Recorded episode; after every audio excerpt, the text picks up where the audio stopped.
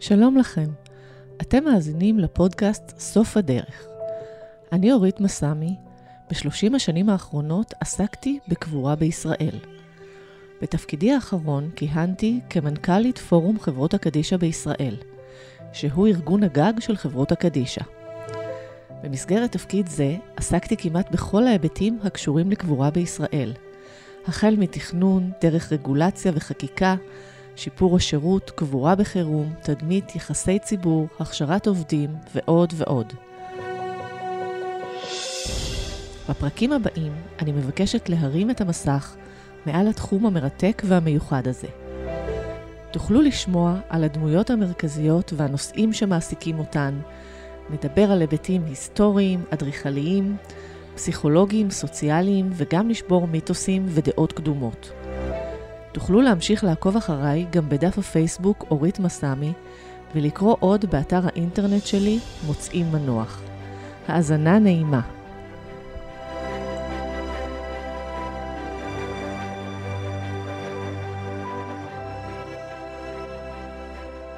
שלום חגי, מה שלומך? צהריים טובים, מה שלומך? מצוין. אז uh, אני מבינה שאתה סגן מנהל אגף במשרד מבקר המדינה. ויש לי איזה מנהג שכל פרק בפודקאסט אני פותחת בשאלה איך הגעת לתפקיד הזה? בדרך כלל אני שואלת את זה כי אני מראיינת אנשים שקשורים לעולם הקבורה ואני לא מצליחה להבין, עדיין אני מחפשת למה אנשים רוצים לעסוק במקצוע כזה. אבל גם אותך אני שואלת, איך הגעת לתפקיד הזה? אז uh, יש לי תואר שני במנהל ציבורי עם התמחות בביקורת. Uh, לפני שהגעתי למשרד מבקר המדינה הייתי מבקר פנים במשרד רואי חשבון ולפני למעלה מ-12 שנה זכיתי במכרז, נכנסתי למשרד מבקר המדינה uh, וכיום כמו שאמרת אני סגן מנהל אגף של ביקורת. אני באגף שמבקר uh, תחומים, כל אגף אצלנו מבקר תחומים מסוימים, אני שייך לחטיבה שהיא המסגרת היותר עליונה שמבקרת את תחומי חברה ורווחה ואני שייך ספציפית, אני סגן מנהל אגף, באגף שמבקר תחומים של דתות, ספורט, תרבות אה, ותחומים נוספים.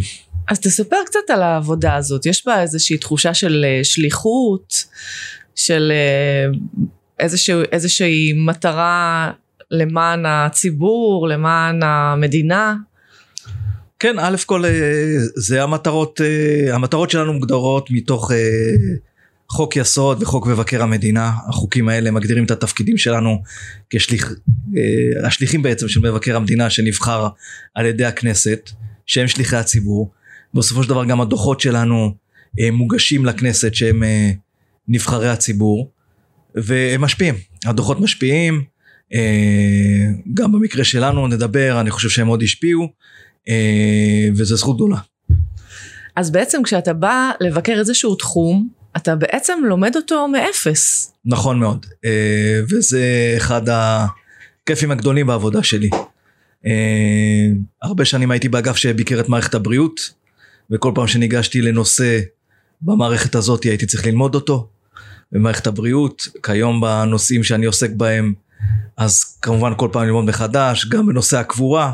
אה, זה נושא כמובן שבטח אה, כאחד שבא מן העם, אה, לא נושא שמכירים, לומדים אותו מכל בחינה שהיא, תרבותית, דתית, כלכלית, מה הוא אומר, ולומדים אותו ומתעסקים איתו. וזה מאוד מעניין, זה החלק המאוד מעניין בעבודה שלנו. תשמע זה ממש איש אשכולות, כי אתה מחזיק בראש הרבה מאוד ידע. זה רק בתנאי אם היה לי זיכרון טוב, אבל שוכחים. אז אה, בשנת 2019, נכון, נערכה בקרה על תחום הקבורה בישראל. בשנת 2018 והדוח פורסם אה, ב-2020 כבר, כן. נכון. כן.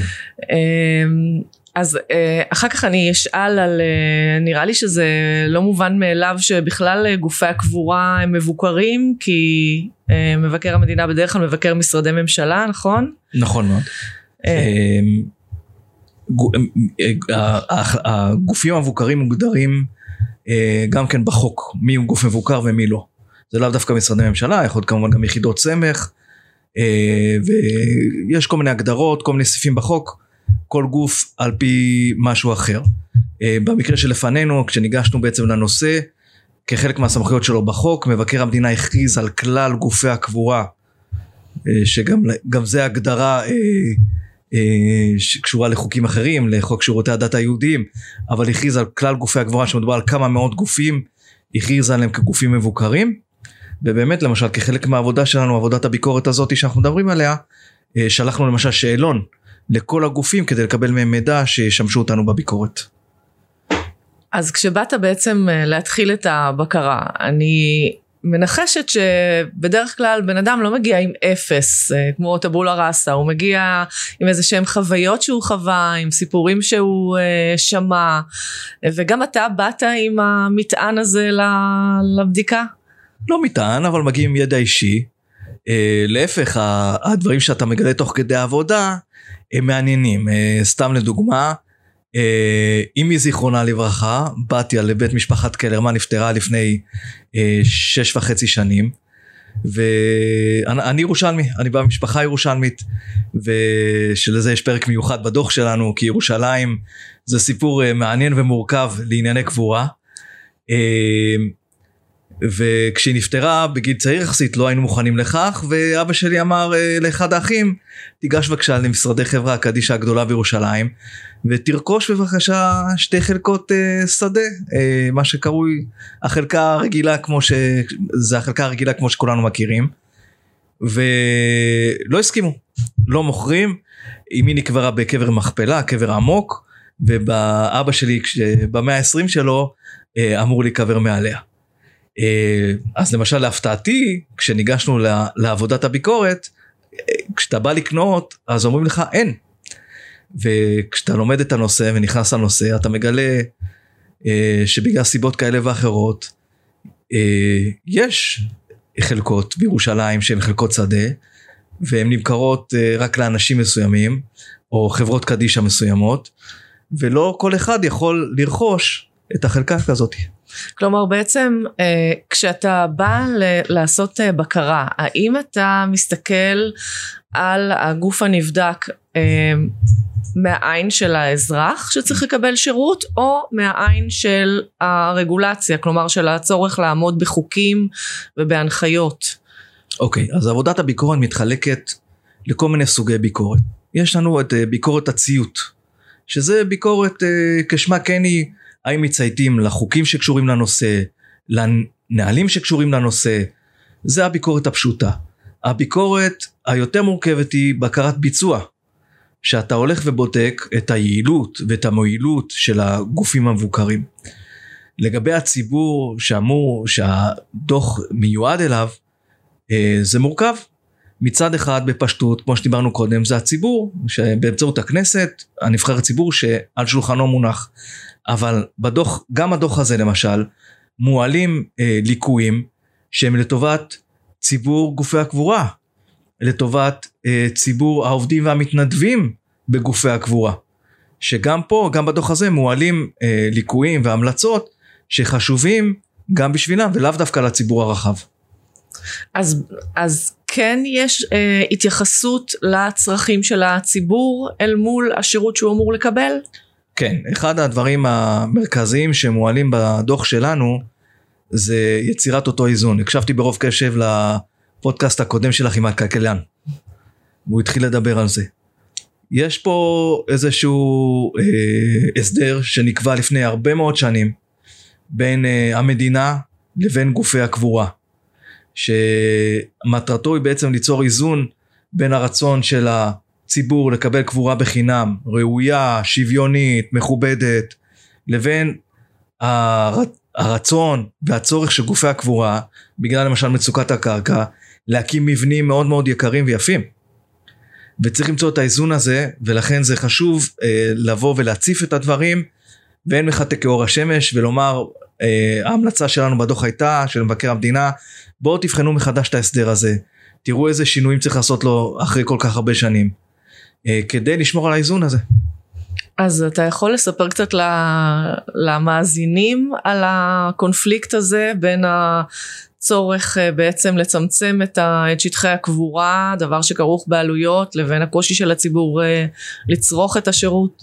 המשאב הכי יקר במדינת ישראל, אולי חוץ מכסף בעצמו, זה קרקע במדינת ישראל, ובטח בריכוזי אוכלוסין, פשוט אין מקום, אין קרקעות כדי אה, לקבור ומי שרוצה קבורה במרכזי אוכלוסין אה, פשוט אין מקום ולכן אה, גופי הקבורה נאלצים בערים הגדולות בחיפה אנחנו רואים את זה בתל רגב, בתל אביב בירקון, בירושלים בהר המנוחות, הקשבתי גם לפודקאסט שלך עם יוש... המנכ"ל לשעבר של חברה קדישא, קהילת ירושלים חנן השחור, על המבנה, דרך אגב זה דוגמה בדוח שלנו למשהו לחיוב שציינו, וכולל תמונה של המנהרה ש... שהוא יזם ו... ו... ובנה שם בירושלים בהר המנוחות, דוגמה לחיוביות שהבאנו בדוח שלנו על הגופים המבוקרים. אז גופי הקבורה נאלצים להשקיע הרבה מאוד כסף במבנים האלה.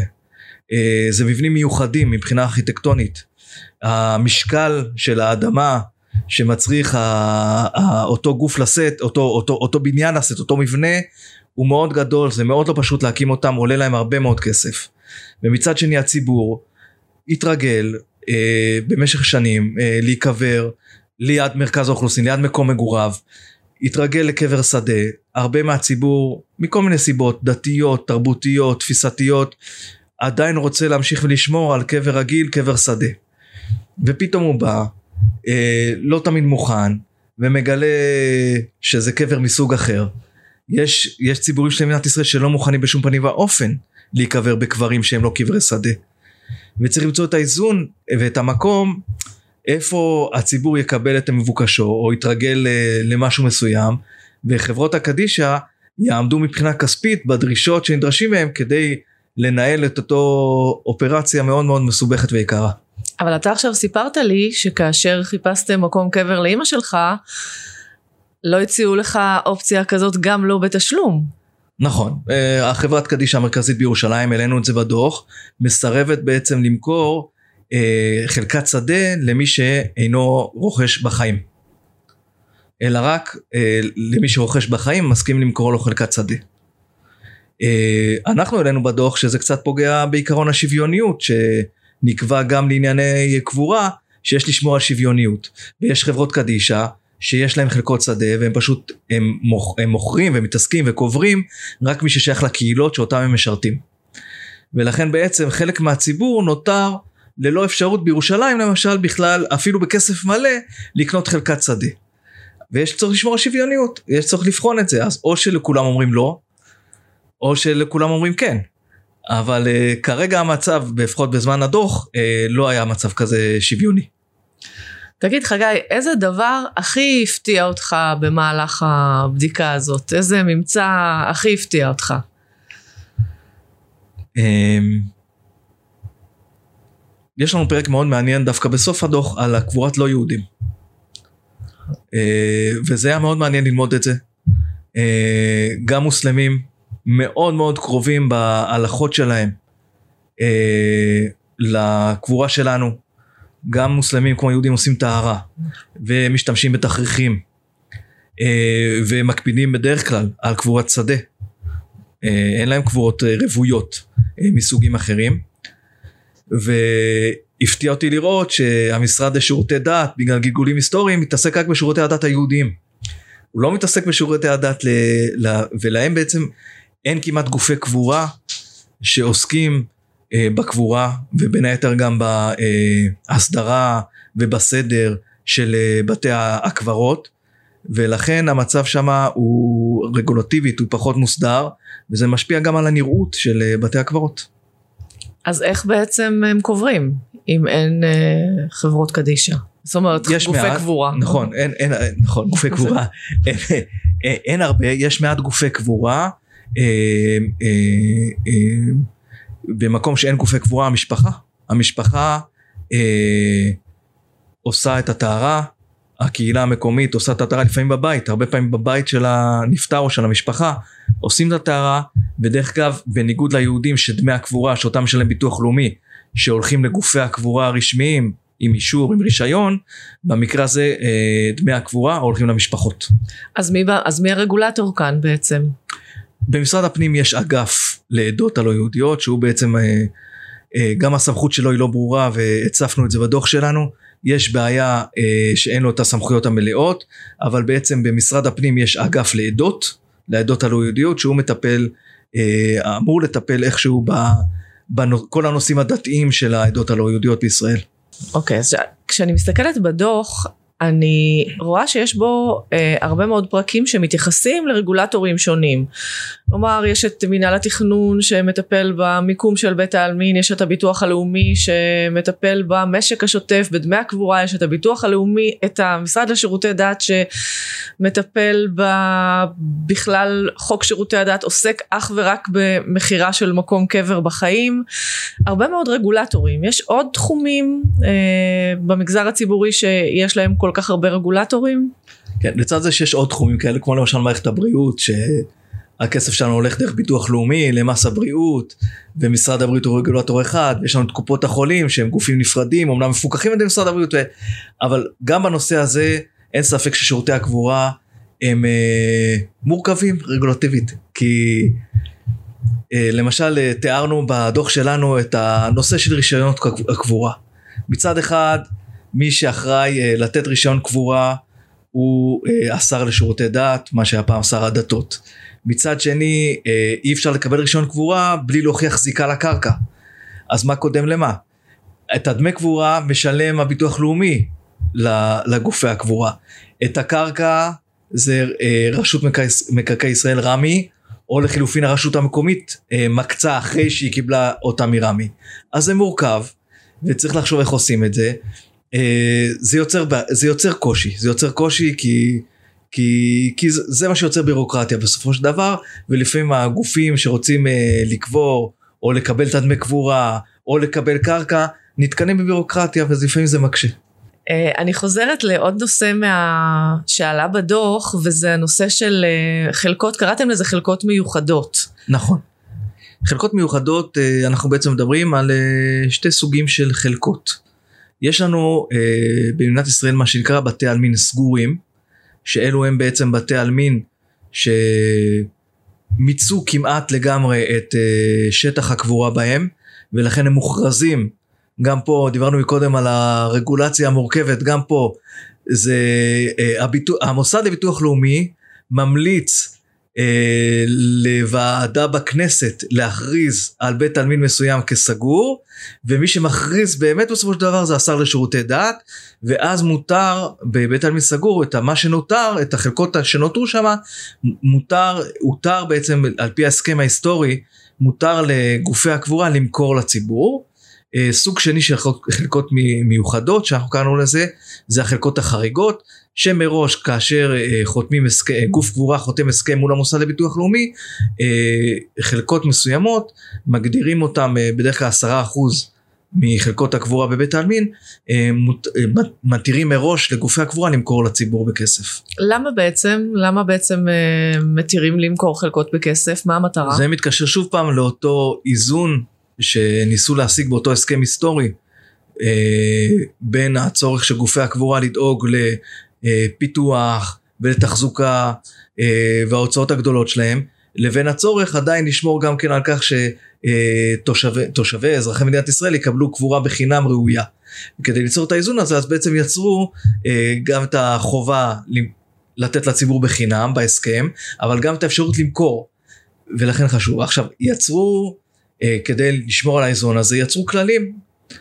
אה, ואנחנו הלכנו ובדקנו בעצם בדוח הביקורת שלנו האם עמדו בכללים האלה, האם באמת אה, לא מכרו יותר מ... האם, האם פרסמו את הכללים האלה אחת מהתגובות של הגוף, גופי הקבורה שקיבלנו בעצם שהם לא קיבלו כנוהל רשמי של המוסד לביטוח לאומי שאסור למכור יותר מ-1% אה, בבית אה, עלמין סגור.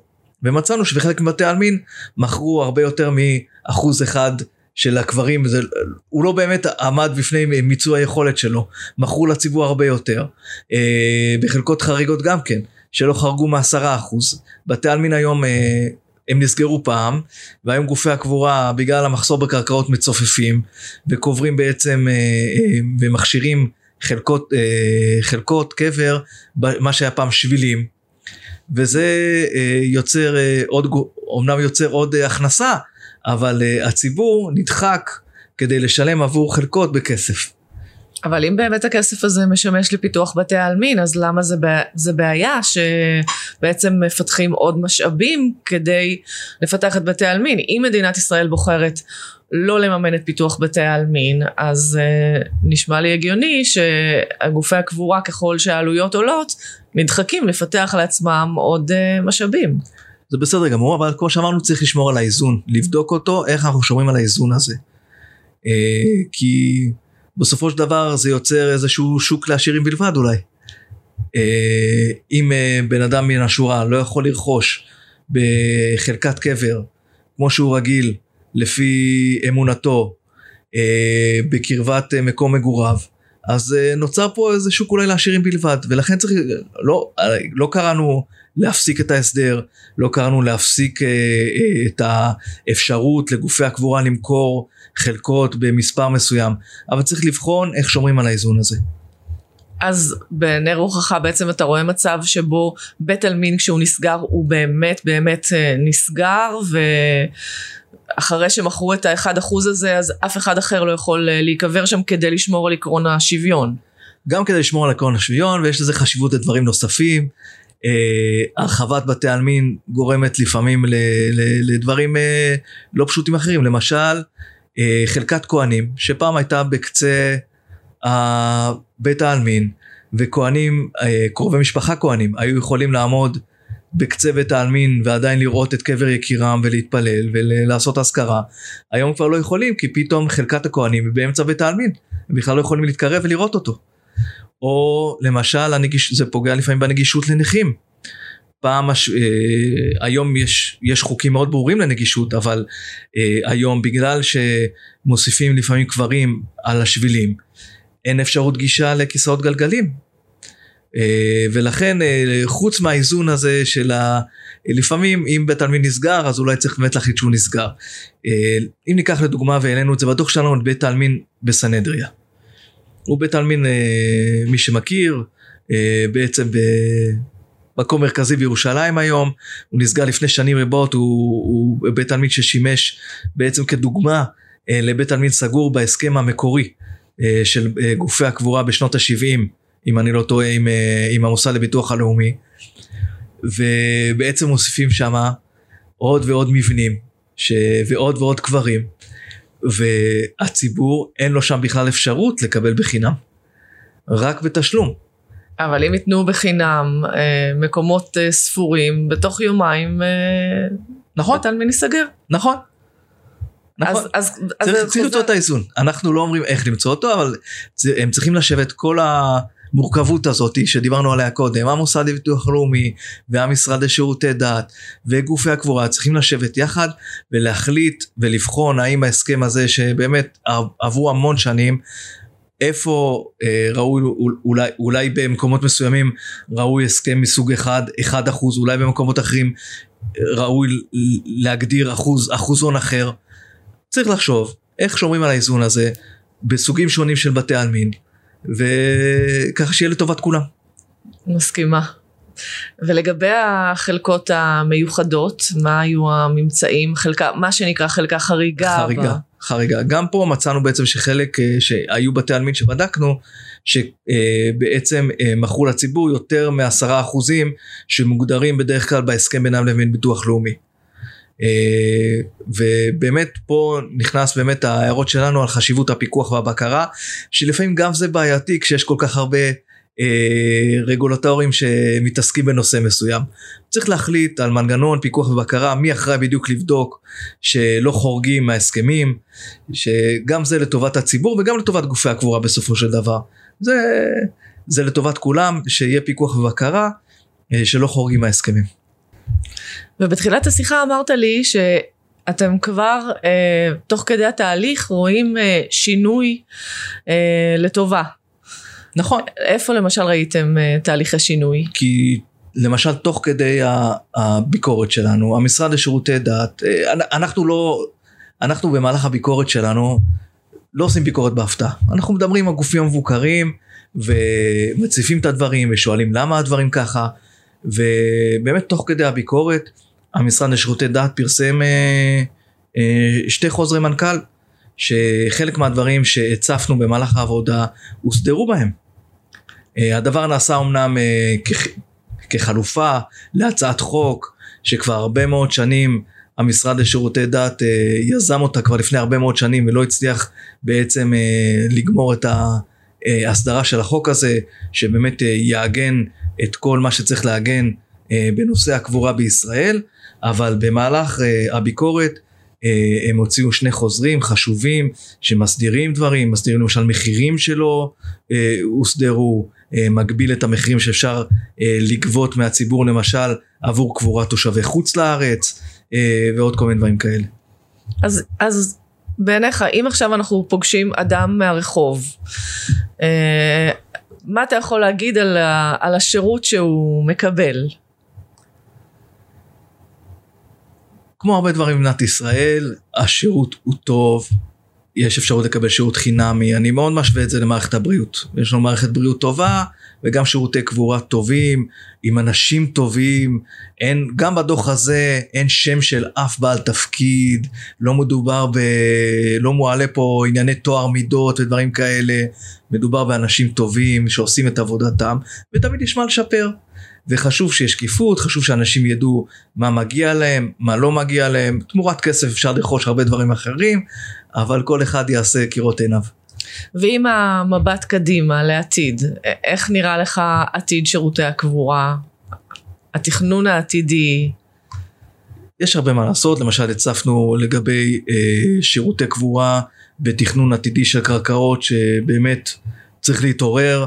אה, הצפי למחסור במדינת ישראל בקרקעות לקבורה הוא, הוא אדיר למרות כל המאמצים שנעשים והבנייה אה, יש מחסור במרכז הארץ בקרקעות שיהיו מיועדות לקבורה יש מחסור ב, אה, בחשיבה לבאמת קבורת שדה שחלק כמו שדיברנו יש ציבורים מסוימים שמוכרחים מבחינה דתית תפיסתית תרבותית דווקא את הקבורה הזאתי וצריך לחשוב איך לתת להם מענה והייתה ועדה שישבה ולא סיימה את תפקידה וחשבו מה לעשות ולעשות קצת יותר מרוחק מירושלים עם הסעות אה, לא גמרו את העבודה לא הסדירו את זה וחשוב להסדיר את זה ובסופו של דבר אני מאמין שרוב הציבור אה, יזרום עם זה שאין יותר קבורת שדה ויבינו שיש אה, קבורה אה, רוויה ומבחינה תפיסתית ותרבותית כולנו נבין ש, שלא נורא. אז יש תהליך של מעקב אחרי המסקנות של הדוח? כלומר הגשתם את הדוח ויש לכם איזשהו תהליך שבודק את היישום שלהם? כן, אחד, אחד מהדברים שגם על פי החוק משרד מבקר המדינה עושה זה מעקב, גם מבקר המדינה הנוכחי שם דגש על כך שבחלק מהתוכנית התלת שנתית שלנו יהיו נושאים למעקב ובהחלט ייתכן שבשנים הקרובות אפילו אה, יהיה לנו דוח מעקב על נושא הקבורה של האגף שלנו, אם מבקר המדינה יאשר זאת, ואנחנו בעצם אה, עוקבים אחרי יישום או תיקון הליקויים העיקריים. אה, ובהחלט המשרד שלנו שם דגש על כך. כלומר אתם לא בודקים נושא ועוזבים אותו אלא לא זה איזשהו גם, תהליך אורך. גם הדוח הזה שפרסמנו בשנת 2020 הוא לא הדוח הראשון של מבקר המדינה שעוסק בנושא קבורה. היו דוחות קודמים בנושא קבורה, בנושא קבורה אזרחית, היו כבר, אם אני לא טועה, כבר שתי דוחות של משרד מבקר המדינה, שדרך אגב גם הם הביאו בסופו של דבר לשינוי מאוד גדול בנושא הקבורה האזרחית במדינת ישראל ולקידום שלו למי שזה חשוב לו. אה, ובהחלט רואים שהנושאים שאנחנו עוסקים בהם זה לא פעם ראשונה ולא פעם שנייה שאנחנו עוסקים בהם. אתה יודע חגי, אה, יש לי איזה אה, מאמר בבלוג שדן בשאלה איך אנשים מגיעים לעסוק בקבורה. גם שאלתי אותך בהתחלה, אני מחפשת למה אנשים מגיעים לעסוק בתחום הזה. בסוף אני אגלה למה אני הגעתי אולי מתוך כל הבדיקה הזאת אבל uh, בגלל שנפגשנו ודיברנו פעם אני יודעת שגם לך יש איזושהי היסטוריה טוב, עם אני הסיפור הגעת, הזה. אני הגעתי לזה כי הטילו עליי בעבודה את הנושא אבל uh, כן אמי זיכרונה לברכה גם כן מגיעה בדומה למנכ"ל לשעבר של חברה קדישא קהילת ירושלים, גם כן מקהילה היקית בחיפה. סבי וסבתי זיכרונם לברכה היו מקימי אה, חברה קדישא חיפה. אה, סבתי אה, עד ממש שנותיה האחרונות, עד לא מזמן, בצעירותה הייתה עוסקת, הם היו עוסקים בטהרה, ובזקנותה הייתה עוסקת תפירת תכריכים בחיפה, חברה קדישא חיפה. שזה משהו מאוד מעניין, אה, שאולי יעניין את הציבור, שתכריכים בדרך כלל זה משהו שקונים אותו ממפעלים בסטנדרט, אבל בחברה קדישא חיפה באמת יש, השתמר המנהג הזה של נשים מבוגרות שיושבות ותופרות את, את התכריכים כמו שתפרו פעם. כן, זה חסד של אמת. נכון. בלי תמורה. לחסד של אמת זה חסד למתים. תמורה לא תוכל לקבל מהם כבר. שיושבות אה, נשים ועושות את זה, או מתנדבים שעוסקים בטהרה ובקבורה. אה, באמת צריך להבין שכמות המתנדבים היא גדולה. אה, בדוח הצפנו למשל את החשיבות לשמור על הבריאות שלהם.